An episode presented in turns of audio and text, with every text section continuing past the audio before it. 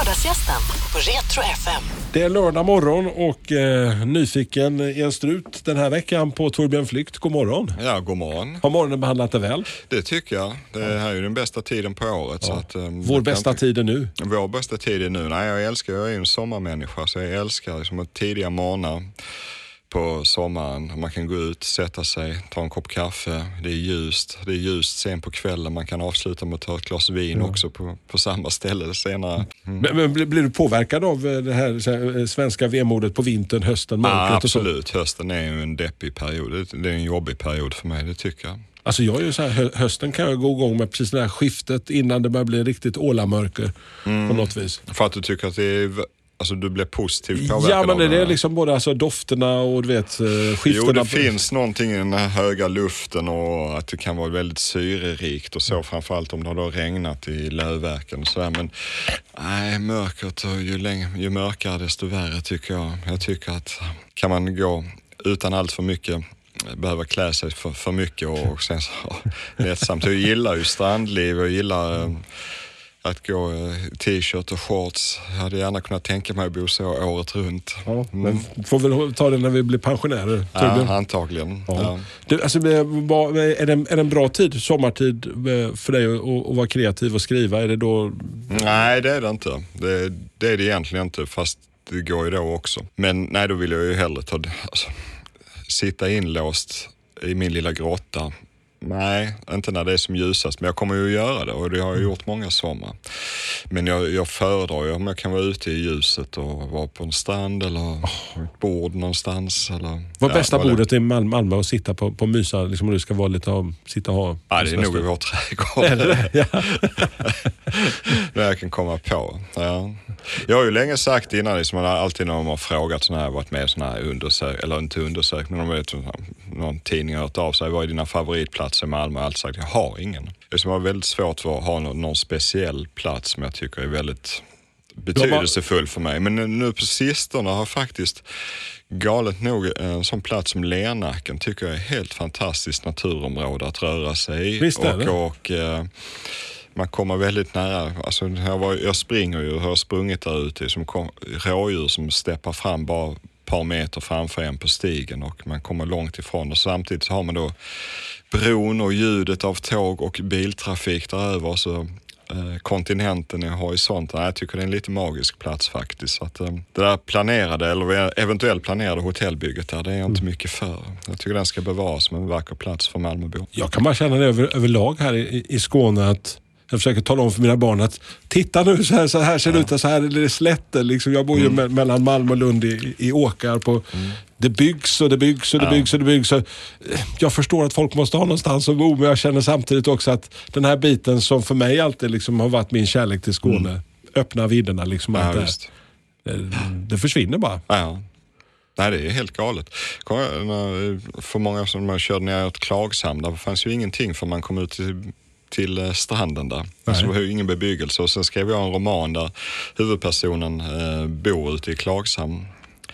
I det här ny, ett av de nybyggda områdena. Så jag fick åka dit rätt ofta för att liksom göra research och se hur han och familjen skulle tänkas röra sig där. Och varenda gång, jag kände inte igen mig från gång till gång. Det en, jag körde ner en gång i månaden och det var alltid någon, något nytt bostadsområde utkavlat där. Det, det är som en sån här SimCity eller någonting. Ja, det bara, ja, det är verkligen så. Det- Löpning, eh, Mm. det vet jag att du, du har ju varit lite så här halvmarer. Har du sprungit mara någon gång? Nej, men det är ju en dröm. Men jag tror inte att min kropp håller för det. Men jag har liksom ändå, eh, håller drömmen vid liv. Att någon gång ska det gå. Eh, Men då är jag rädd också att med ålderns inverkan att det kommer bli en så långsam tid. Är du så här det himmel eller helvete killen? Så det ska- ut så ska det gå bra direkt eller?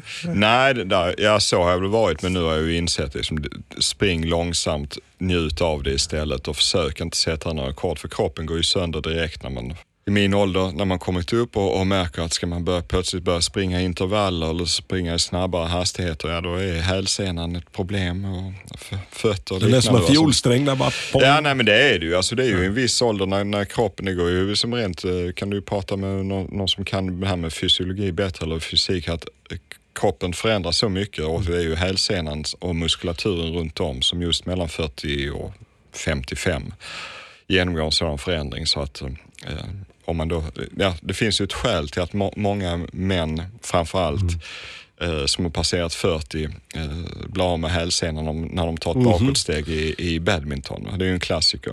Och det, ja, det finns, Och det är, så, finns små, det är så små rörelser där, liksom, när det bara säger pang plötsligt. Nej, visst, visst. Men vet, muskulaturen blir långsammare, den stelnar, hälsenan blir annorlunda.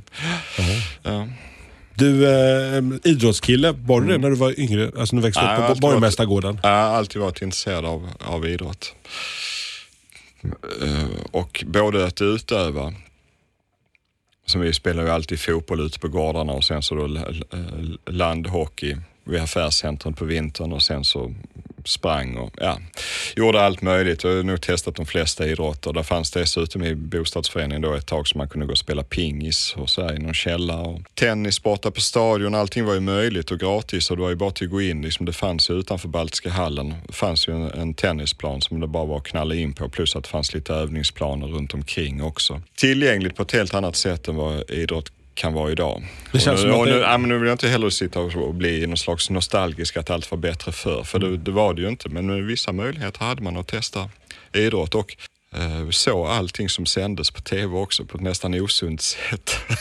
Med de få kanaler vi hade då och så sen när man blev något år äldre och man kunde hyra den första movieboxen så, så, så är det ju inte någonting att titta på. I vissa stunder kan jag känna det här med mina alla streamingkanaler och Ja. gud vet allt vad jag har tillgång till. Ja. Så sitter jag bara, nej, det finns inget att titta så jag läser med en bok istället. Ja, men det är ju ett fullgott alternativ får man ju säga att läsa istället. Ja, det är lustigt, just när när man var yngre så titta på all ishockey till exempel och Giro d'Italia, Tour de France och sånt. Jag har inte sett ett ishockey-VM sedan det gick över på en kommersiell kanal. Därför har jag aldrig haft tillgång till dem. Och, och sen har jag fullkomligt tappat intresset för idrotten där. Ja, någonstans där, plus att jag känner, jag känner inte igen ett enda namn heller längre just här hockey-VM och sånt. Nej, nej. Borgmästargården, det du växte upp alltså det ju, du bor ju inte bara ett stenkast därifrån idag fortfarande nästan. Ja, det kan man ju säga. Det är ju några kilometer, jag bor i Mellanheden. Mm. Men, men eh, vad är liksom det starkaste minnen från Borgmästargården som du växte upp i? i? Ja, nej, men det blir det är ett nostalgiskt skimmer över naturligtvis. Det fanns ju mycket svarta sidor om tragedier och familjer som var sönderslagna och så, men det starkaste minnet är ju, är ju den här möjligheten att alltid ha umgänge. Men, alltså, man gick ut på gården och visslade och så tog det inte så många minuter förrän man var ett elvamannalag som kunde spela. Eller två elvamannalag naturligtvis. Eller åtminstone att man fick ihop två sjumanna. Det var aldrig ett problem. Eh, och man kunde stå ute, man gick runt mellan gårdarna och träffade alltid kompisar och vänner och ute på ett helt annat sätt än eh, jag tror att man gör i villaområden där vi bor nu. Mobilia tvärs över gatan nästintill. Eller Reveny var det hette där borta va? Ja, just det, Reveny. Men då har jag nästan, ja det är klart att man hängde mycket där framför jag, jag och min kompis vi gick runt där och de hade provsmakningar så vi åt ju lunchen på Reveny. gick runda på runda på runda på dessa provsmakningsstationer som det var gott om då. Och, eh, men mitt starkaste minne därifrån är snarare att, att cirkusarna slog upp sitt tält på parker- det som nu är Mobilias parkering Ja, eh, mellan Borgmästargården och Mobilia. Och då gick man ju dit och sen fick man ju stå och hänga med cirkusmänniskorna. Eh, vi var ett gäng som fick komma in och hjälpa elefantskötarna, ta hand om elefanterna. Och man gick bara rakt in i tälten och började klappa djuren och så. Det fanns liksom inga avspärrningar, inga begränsningar utan det, ja, det var bara tillgängligt. Och idag kan jag liksom inte fatta hur kunde vi tillåta stå en drös ungar inne bland elefanterna och, och springa omkring och leka där och vara med dem och känna att det var husdjur. det är otänkbart idag. Tack och lov så är det ju inte elefanter heller på, på cirkusarna längre. I alla fall inte i, i norra Europa. Nej, det var, det, jag kommer att tänka på när du sa cirkus och elefanter. Så för ett hun- hundra år sedan när jag jobbade uppe i Helsingborg och vi jobbade uppe på det Berga, det här om, industriområdet som är uppe nära, i närheten av Väla. Så cyklade jag från där jag bodde upp förbi det här lilla Berga kaserner. Där hade de alltid cirkusen och där ställde de alltid upp djuren. Sen morgon där vid där, kvart i fem på morgonen så kom jag cyklande förbi. Fåglarna kvittrade, doften från Suegas. Och så kommer det plötsligt bara en snabel ut från ingenstans ut på vägen tror jag. Då, då gick elefanterna och käkade där lite grann. Spontanidrotten. Alltså, den kan jag sakna också. Verkligen. Alltså, det, låter, det är också det här lite löjligt nostalgiskt men inte på samma sätt. Alltså, jag tycker jag ser vår egen lilla basketplan hemma i Åkarp. Den står nästan alltid tom och sådär. Finns annat som lockar istället? Jag är inte säker på att dagens ungdomar är mindre vältränade eller mindre idrottande än vad vi var. Men det bara sker på andra sätt. Mm, precis. Det mesta man gjorde då gjorde man ju utan förening. Det fanns liksom inget behov heller utan det, det man gjorde, det gjorde man själv. Alltså ett tag så blev vi ett gäng killar på gården blev intresserade av cykling. Ja, då skaffade jag alla eh, begagnade 12-växlade var det väl då, eller någon gång hade kanske någon en 15-växlade eh, med bockastyre. Och sen cyklade vi omkring där och låg på rulle på varandra. Någon hade en pappa som kunde lite mer, som meckade och fixade med cyklar och, och så. Ja, Och sen du vet, Och så- en mjö- mjölkkartong och så klipper man av och så fäster man med en, med en liten tvättklämma så att det låter som att man kör, kör moppe. Nej, vi var lite äldre. vi var förbi ljud, ljudgrejen. Nej, jag kommer ihåg, vi så- cyklade vi ner till Falsterbo och sen så eh, tog tiden naturligtvis och så kollade vi vad vi hade för snitthastighet. Sen körde, cyklade vi ut till Habojung och förstod liksom inte, vi stannade ju inte och badade där utan nej, vi kom dit och konstaterade att det låg där de sa att det skulle ligga och sen cyklade vi hem igen. Lilla Tour de France i Skåne. ja, verkligen. Ja. Ja, nej, men det var roligt att liksom, göra det. Stenkast från eh, Malmö stadion och eh, ditt och mitt intresse där vi träffades första gången Torbjörn, MFF. Liksom. Ja. Det Ja. som, din kärlek till föreningen, hur är den idag? Ja, den är väldigt stor. Det är den. Ehm, Det, det är nog laget i hjärtat. Eller nog ska jag inte säga, utan det är det ju naturligtvis. Jag följer den eh, väldigt mycket. Jag läser det mesta, ser alla matcher, har sett alla matcher hittills i år. ehm, läser på om det. Ja, jag, jag, jag, och jag har lite det där, det, är ju nästan lite galet. Jag känner mig som matchdag, då är det lite nervöst i kroppen. Och man går och väntar på laguttagningen och ser vilken elva som ska starta. Och, så, Ja, det- är lite osunt, det inser jag ju själv också. Lite, men samtidigt tycker jag det är lite roligt att få, få nörda på, på något sådant. Så att, eh, vi har ju, I hjärtat har ju plats för tre lag. Okej, Så att, eh, eller fyra kan jag till och med säga. För att jag, jag har ju eh, varit väldigt engagerad och känner väldigt starkt för, för Malmölaget FC Bellevue också. Eftersom det är en ny, ung förening som har gjort otroligt mycket för ungdomsidrotten i Malmö på en breddklubb som också nu har startat ett A-lag som det går bättre och bättre för. Och sen har jag Roma eftersom jag gillar Rom så mycket. Och eh, har varit där så mycket så det är ett lag i hjärtat. Men det är, ju ett, det är ju en klubb som aldrig vinner något. Så att därför får man ju balansera det med en klubb som alltid vinner det. Så därför har jag också Bayern München. Eh, så man får den känslan Ja, också. nej, men det är ju rätt bra. Malmö vinner ibland, Roma vinner aldrig någonting och eh, Bayern vinner alltid. Så man som har eh, etta, kryss, tvåa på något sätt. Jag har helgarderat. Så lagom Torbjörn. ja. Ja. Nej, så att det, det är de tre jag, eller fyra jag följer mest. Första MFF-minnet, eh, är det från stadion såklart? Ja, det är det. Första matchen? Första matchen, ja, alltså, jag vet, vet att vi har pratat om det tidigare, liksom hur vi stod på ståplats ett gäng killar och skrek eh, på en skäggig högerback i att vara AIK. Och till slut så gick han från matchen, gick med dobbarna knastrande över löparbanorna, gick Just bort det. och ställde, sa till oss att killar, sånt språk har man inte på en fotbollsplan, så här gör man inte. Vilket var otroligt fostrande och som faktiskt har följt mig, som, inte bara som ett minne utan också som en inställning till hur man förhåller sig till motståndarlag och andra. Att man, ja, man ska bemöta också dem med respekt. Va? Jag tycker det är som, i en allsvensk match där högerbacken bekymrar sig om att gå ifrån matchen för att eh, i uppfostrande syfte säga till några ungdomar hur de ska bete sig. Jag tycker det är så stort fortfarande. Så det är ett väldigt starkt minne. Nej, vi hade, eh, min mor hade en bekant som satt i styrelsen för MFF när jag var yngre så att han, han gav oss alltid, eller ofta i alla fall, bra biljetter till sittplats. Så då var de här trätrallorna på läktaren. Och så fick man gå och hämta ut biljetterna eh, strax före matchstart i ehm, biljettluckan där nere. Och jag kommer aldrig ihåg vad han hette. Hette han Hans Nilsson eller Nils Hansson? Jag kom fram och så sa han att det ska ligga två biljetter i namnet Nils Hansson. Och de letade och letade och hittade inte. Så fick jag gå hem och hämta min mor. Så fick hon gå med mig och säga nej, vad han hette. det där med att skriva ner det på lapp kommer jag heller aldrig på liksom, att man skulle göra. Men det var, så att jag, jag satt ofta uppe på trätrallorna på, på sittplats bra platser. Hur, hur känns det att, att sitta, där, sitta där idag? Är det Nej, samma jag tycker känsla? alltså den här nya stadion, som, ja, den är ju inte så ny längre, men den är ju en fantastisk som upplevelse. Det är något helt annat. Du är ju så nära. Det är är, det är nästan, du är nästan på planen. Jag tycker att det, det är en häftig upplevelse. Det är ju mycket adrenalin. Så man kan ju förstå också varför klubben har fått så bra support här. Dina händer är viktiga verktyg för arbetsdagen. Så den här veckan har vi 25% rabatt på alla skyddshandskar hos Swedol. Ja visst, passa på! Kika in i din närmsta butik eller handla på webben. När du köper skyddshandskar, välj Swedol för säkerhets skull. Ah, dåliga vibrationer är att skära av sig tummen i köket. Ja! Bra vibrationer är att du har en tumme till och kan scrolla vidare. Alla abonnemang för 20 kronor i månaden i fyra månader. Vimla! Mobiloperatören med bra vibrationer.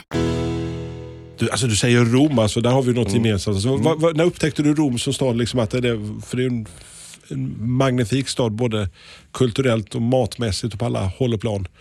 Ja, när första gången, nu ska vi se när jag var där, men jag kommer ihåg att när jag, min allra första roman, Längsta ögonblicket, kom ut 95 och då blev den antagen 1994 och när den förläggaren, Lasse Bergström, hade antagit mig och hört av sig så gav mig själv i present en, resa till, en weekendresa till Rom.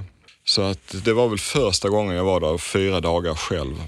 Och det var på den tiden ju det gick eh, såna här eh, svävare över sundet när man Ja. skulle till Kastrup. Och jag kom ner där glad i hågen med biljetten och, och så tittade de på biljetten och sa, nej men det här är ju fel, du skulle ha flugit igår. Aj då, så, så såg jag hela resan försvinna iväg. Men jag sa, äh, här är en plats över, du kan åka idag istället. Liksom, det var inte så noga. så åk du, här har du. Så jag kom ner till Rom då, så de, eh, oktober 94 och gick där längs gatorna i Centro Storico och åt rostade kastanjer och tyckte det var världens häftigaste upplevelse. Jag tycker Rom egentligen är som vackrast om kvällen, alltså när mörkret har lagt sig och eh, på natten med det här gula ljuset från lyktorna och de vackra kullerstensgatorna. Vilket egentligen talar emot att jag är en sommarmänniska, men jag tycker att eh, Rom är som bäst nattetid. Den är så ohyggligt vacker. Vad har du för smultronställen annars när du besöker stan? Nej, nu har jag ett antal restauranger och, och så som jag, där jag lärt känna eh, krögarna. Därför att jag har varit där så mycket. Så att de brukar ju gå till för att hälsa på dem och för att jag gillar deras mat. Och för att man, ja, har, har man blivit liksom stammis någonstans så spelar det ingen roll om du inte har varit där på ett år utan du får ändå ett bord. Även om det är fullsatt och de är glada att se dig igen. Och det är, tycker jag är otroligt roligt liksom att känna att nej, men det är vänskap och eh, lojalitet har, det lönar sig så att säga. Det, den är viktig. Vad är bästa stället, bästa tillfället för dig när du får inspiration till, till ditt skrivande Torbjörn? Var hittar du det någonstans? Jag vet inte, jag får ofta sån här frågan om inspiration och som hur jag kan inspireras eller så här. Och Eller, jag tycker liksom det är inte en fråga som jag själv ställer mig därför att jag arbetar ju inte utifrån inspiration utan, utan detta är ju mitt yrke. Då kan man inte bara gå och vänta på att det ska komma någon slags gudomlig kraft en uppifrån. liten och- musa som visslar. Ja, nej det finns inte men, men det, jag tänker ju väldigt mm, bra, eh, på gott och ont, på nätter. Alltså, jag är egentligen en kvällsmänniska, nattmänniska, gillar att sitta upp sent och skriva. Eh, eller när jag är ute och, går eller när jag är ute och springer. Och det går ju rent Alltså man pratar man med läkare och så, så kan man ju också, vissa kan bekräfta det och vissa säger att forskningen inte är tillräckligt långt framme på det för att bekräfta det. Men att det här med att endorfiner eh, som frigörs när man motionerar eller rör sig eh, gör att man plötsligt får nya tankebanor, att eh, tankemönster uppstår som du inte hade kommit till tid, annat. Så i mitt fall är det att springa, för andra är det ju att simma eller göra någon annan idrott. Men just det, eller att röra mig. Gåendet är också en fördel därför att du behöver inte tänka så mycket på hur du rör dig. Eller vad rör. Alltså du går ju av dig själv så du kan ägna, ägna all din tankekraft åt eh, de problem du har att lösa eller formulera. Eller, Har du en liten bok i fickan? Eller så här, tala in, för för jag, jag kommer alla de här fantastiska idéerna som man får då när man gör, som du säger, va? Mm. de kan ju försvinna lika fort bort också ibland. Ja, nej, då är det ju bäst att skriva ner det så fort som möjligt. Och jag hade ju tidigare, gick alltid omkring med ett litet fickminne som jag spelade in när jag kom på något. eller formuleringar och tankar och så. Det gjorde jag, men nu har jag mobilen istället och där kan man väl spela in eller oftast så skriver jag ner om det är något. Ibland räcker det man skriver några stödord. Men vad, vad, är du någonstans i skrivandeprocessen just nu för kommande spännande projekt Torbjörn? Vad... Ja, jag är inte så mycket, ja det är väl i och för sig i skrivandeprocessen med en ny bok, men jag kommer med en, en uh, liten roman i augusti som heter mm. Släkte.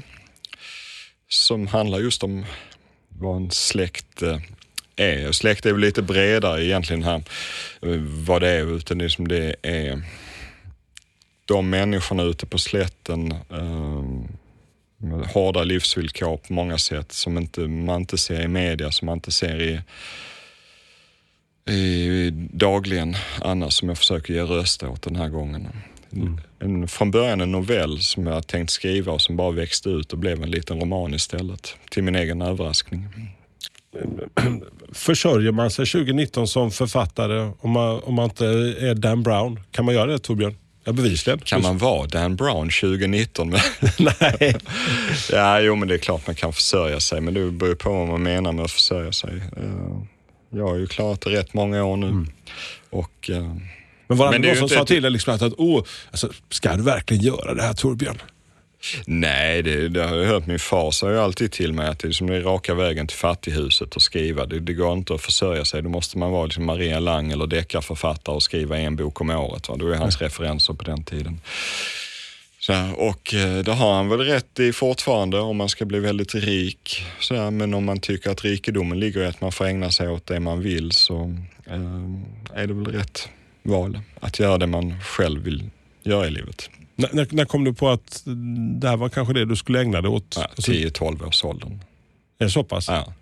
Skrev mycket redan i skolan? Nej, skrev inget. Inget alls? Nej, men jag visste att jag skulle bli det. Mm. Jag tyckte inte jag behövde öva. jag hade ett oändligt självförtroende som gjorde att jag... Lite malmöitiskt sådär? Ja, lite sådär. Jag tänkte att nej, nej, men jag gör det sedan nu med att öva. Så här, jag lärde mig aldrig någon svenska i skolan. Jag var alltid duktig i det, så att det är inte det. Alltså, jag Eh, hade nog högsta betyg i svenska under lång tid. Men jag lärde mig aldrig, brydde mig aldrig om att lära mig grammatik eller regler eller sådär för att det tycker jag det, det, kan jag, det tar jag på känsla. Vilket sen var en nackdel när jag skulle börja läsa andra språk. Då förstod jag ingenting när de började prata om grammatik. Men alltså, för någon som sitter här och funderar, liksom, och så här, du får säkert frågor på också om jag ska mm. börja skriva. Så här, ja. hur, för din del började det liksom att du... För jag, jag kan tänka mig att man får en viss struktur när man har hållit på ett par år och man blir duktig mm. liksom, på, på att lägga upp sitt arbete på, på ett lite mer så här, yrkesmässigt. Mm. Förstår du vad jag menar? Ja. Hur, hur, var det från början? Var, så var det inte från början eller? Nej, alltså när jag väl satte igång så var det ju inte särskilt strukturerat. Då gick det ju mer på kraft ungefär. Mycket kraft och lite teknik och det, och det där kan ju förändra sig med tiden, att man lär sig sina egna strukturer och framförallt har jag lärt mig att planera arbetet mycket bättre. Alltså ju mer planerat ett arbete är, desto lättare är det sen att vara eh, känna sig fri i skrivandet eller kreativ eller vad man vill kalla det. Men visst är det så här just att för att vara ja. spontan så måste man vara väldigt strukturerad. Ja, ja det är absolut. Alltså ska du vara spontan på 100% spontanitet så sitter du bara nervös och undrar hur man ska göra. Men alla är vi olika, men jag tror inte att det är många stora romaner som har skrivits utan eh, ordentlig planering först. Så att det, det är väl det egentligen brukar vara mitt, mitt råd till de som vill börja skriva. Att planera mycket och eh, våga sedan gå loss inom de ramar du har satt upp för dig. Innan vi drog igång här så vet du, du, du, du berätta om vad du läser just nu. Det är Bruce Springsteen, hemma, en av ja, li, Lite, lite ja. läser jag i Bruce Springsteens biografi. Sist av alla antagligen till att läsa den. Och, um, men jag har inte kommit så långt. Jag är som sagt var fortfarande på uh, hans italienska rötter. Från mormors sidan mm. om jag minns rätt nu. Det var väl irländskt på pappans sida. Mm. Har, har, du alltid en liten hög med böcker sådär, hemma igång? Ja, ja, alltid, alltid. Simultanläser? Ja, lite. Men jag försöker nog att liksom läsa en åt gången för att jag vill kunna gå in i den värld jag vistas i. Mm. Men däremot kan jag ha en fackbok och en skönlitterär bredvid. Skönlitterär, vilken är det just nu? Just nu eh, läser jag två stycken. en eh, läser om Segerherren av Roy Jacobsen och sen så läser jag om eh, av John Updike, Haren vilar. Tror jag det är. Mm. Som jag precis har påbörjat. Den där känslan kan jag känna att det finns ju inget finare just när man, får när, man hittar den här boken och man Ja. kliver in i den. Jag kommer ihåg när man var yngre framförallt. Mm, Och, man, och man bara försvann in i den. Man sa till Gå, nu måste du släcka. Och så hade man, låg man där under täcket och Mm. Ja. fortsatte att läsa. Jag kunde säga jag var skittrött när jag kom till skolan nästan för jag var tvungen att läsa Ja, klart. ja, visst. Jo, men det är väl lite som det vi pratar om i idrotten, att man gick upp i det mer när man var yngre på ett eh, mer absorberande sätt. Men om man är glad nu, jag håller med dig, det är väldigt sällan det händer att man absorberar så fullkomligt i nya böcker. Men det händer ju.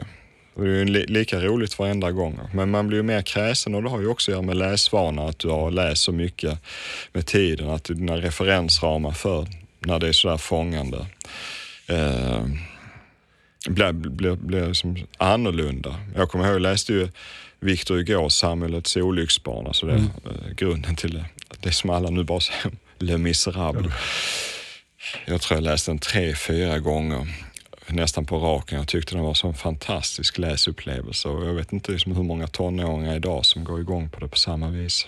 Men jag är också lite så här tråkig, eller tråkig och tråkig, men jag, jag, säger, jag måste ibland jag, läser hellre en bok som jag vet är fantastiskt bra ibland. Så ibland blir jag försiktig så läser jag om den och upptä- precis som du säger, man upptäcker nya, Mm. Ja. nya saker. Ja, jag tycker också om att läsa om bra böcker. Så att, um, Bra. vissa, vissa kan ju aldrig tänka sig att läsa om samma bok igen, men jag tycker faktiskt det är en poäng i det. Bra musik, vad är det? Mestadels på sistone har jag mest lyssnat på jazz. Gött? Mm. Någon speciell, alltså typ det. Ja, alltså Art Pepper har jag upptäckt och um, tyckt mycket om. Jag läser ju egentligen inte deckare, men så läser jag Michael Connolly eh, om eh, Harry Bosch i LA. Och det gör jag bara för att det är så fruktansvärt bra jazztips i dem, för att Harry Bosch lyssnar ju på jazz. Då. Och därigenom upptäckte jag Art Pepper, som jag ofta börjar morgonen med.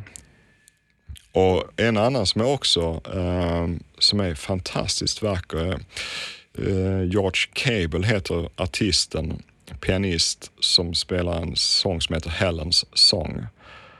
Nej, jag, tycker, att det- jag vet inte varför det har blivit så, men eh, jag uppskattar det mycket. Och sen läste jag en fantastisk bok också förra sommaren, eller var det i höstas? En äldre bok, ehm, kanske 20 år gammal, av en brittisk författare som heter Geoff Dyer. Dyer. Och boken heter Bat Beautiful. Det är som korta essäer om ett åtta stycken kanske olika jazzmusiker. Alla loser. Alltså, jazzen är ju mycket förlorarnas musik också. Och där han tar liksom fasta och berättar episoder ur ja, Art Peppers liv, eh, Stan Getz, Charlie Mingus och så här. Och så skriver han på ett sätt som liksom korresponderar med just deras speciella musik. Alltså jazzigt sätt att skriva och där det är liksom riktat lite, för de är ju alla så pass olika. Så att han har liksom ändrat sin prosa också för efter var och en. Stor läsupplevelse. Den, den något yngre Torbjörn Flykt, vad lyssnade han på när han växte upp? På Ja. Borgmästargården? Lyssnade nog på allt mellan Springsteen, Ebba, mycket det som låg mellan punk och rock alltså, kan man väl säga. Ehm, jag vet faktiskt inte riktigt vad, vad det mer kan ha varit. Men var det en sån här kille som, hade- var ingen sån här, någon som du hade som sån här superidol så att du sprang och köpte Tiffany eller poster i, i den lokala Nej, Tjollan. nej, nej, det var det ju inte. Nej, lyssna på allt. Säger jag Eurythmics omslag har du på väggen bakom dig. Lyssnar också på under en period. Ehm, vad heter den här? Elton John. Har du varit sett filmen förresten? Ja, det har jag. Alltså jag, jag, jag har varit sett den två gånger redan. Ja, så. Du var Alltså- så förtjust i den? Ja men det var, alltså, det var, det var, jag fick en snabbt, alltså, det, det är ju inte helt kronologisk ordning allting. Och det, Nej. det, men den är fantastiskt vacker. Till och med jag som inte är någon sån där, så jag satt och fick nästan en liten tår i ögat ibland. Ja, jo, liksom. den är jätte- jättefint gjord och och otroligt påkostad med alla kostymer och Ja.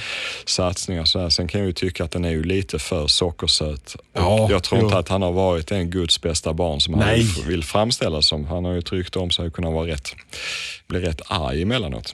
Men, ehm, Man kanske ska, ibland tänker men, man, men, jag tänker också att eh, när jag såg den så tänkte den här är bara gjord för att också den här kan du bara lyfta över rakt in i London som musikal. Om Ja. två år kommer du se den som musikal i London för att den är liksom verkligen skriven Mm. för att fungera i det formatet också. Du eh, Torbjörn, eh, innan våra vägar skiljs åt idag så, Mm. så tänker jag att eh, eh, fråga Allan här. Nu har du, du, du har gett mig massor med läsupplevelser genom åren så jag tänker Mm. jag, nå- jag någon tillbaka till dig. En låt som du skulle kunna hoppa auto-repeat. Du hamnar på, klassiska, hamnar på en öde ö. CD-spelaren fast, eller skivan fastnar i, i eh, CD-spelaren och du kan bara lyssna på en enda låt. Vilken skulle det vara? Ja, Som du kunde stått ut med? Mm, nu måste jag som det, resonerar mig fram. Håkan Hardenberg har ju spelat in för många, många år sedan en skiva med bara barocka trumpetkonserter. Och där är ju no några italienska mästerverk som verkligen är underbara. Torelli och andra. Och sen skulle jag med, med den här eh, George Cables Helen's Song skulle jag kunna lyssna på. Men vill du ha något mer åt rockgenren? Nej, jag, jag, jag, vet, nej, jag har ju lyssnat nu, lyssnat in mig på Springsteens nya. Det är en låt som heter Tusen Train. Som är, man faller pladask för den från första lyssningen och sen kan man ha den på repeat. Men så tänkte jag den här kan jag lyssna på hundra gånger i sträck och sen kommer jag bara avsky den. Kommer, den är så lätt att tycka om. Va? Så att jag tror att jag kommer lyssna på den nu hundra och sen kommer jag aldrig lyssna på den mer. Sen om fem år så spelar jag det igen och tänker oj, det här var ju riktigt bra faktiskt. Varför har jag inte hört den på länge? Men då innan du har hunnit tröttna på den, ska vi ta Tusen Train? Ja, varför inte? Varför inte? Ja. Du, glad sommar Torbjörn. Tack detsamma. Lördagsgästen på Retro FM. Dåliga vibrationer är att gå utan byxor till jobbet. Bra vibrationer är när du inser att mobilen är i bröstfickan. Alla abonnemang för 20 kronor i månaden i fyra månader. Vimla! Mobiloperatören med bra vibrationer.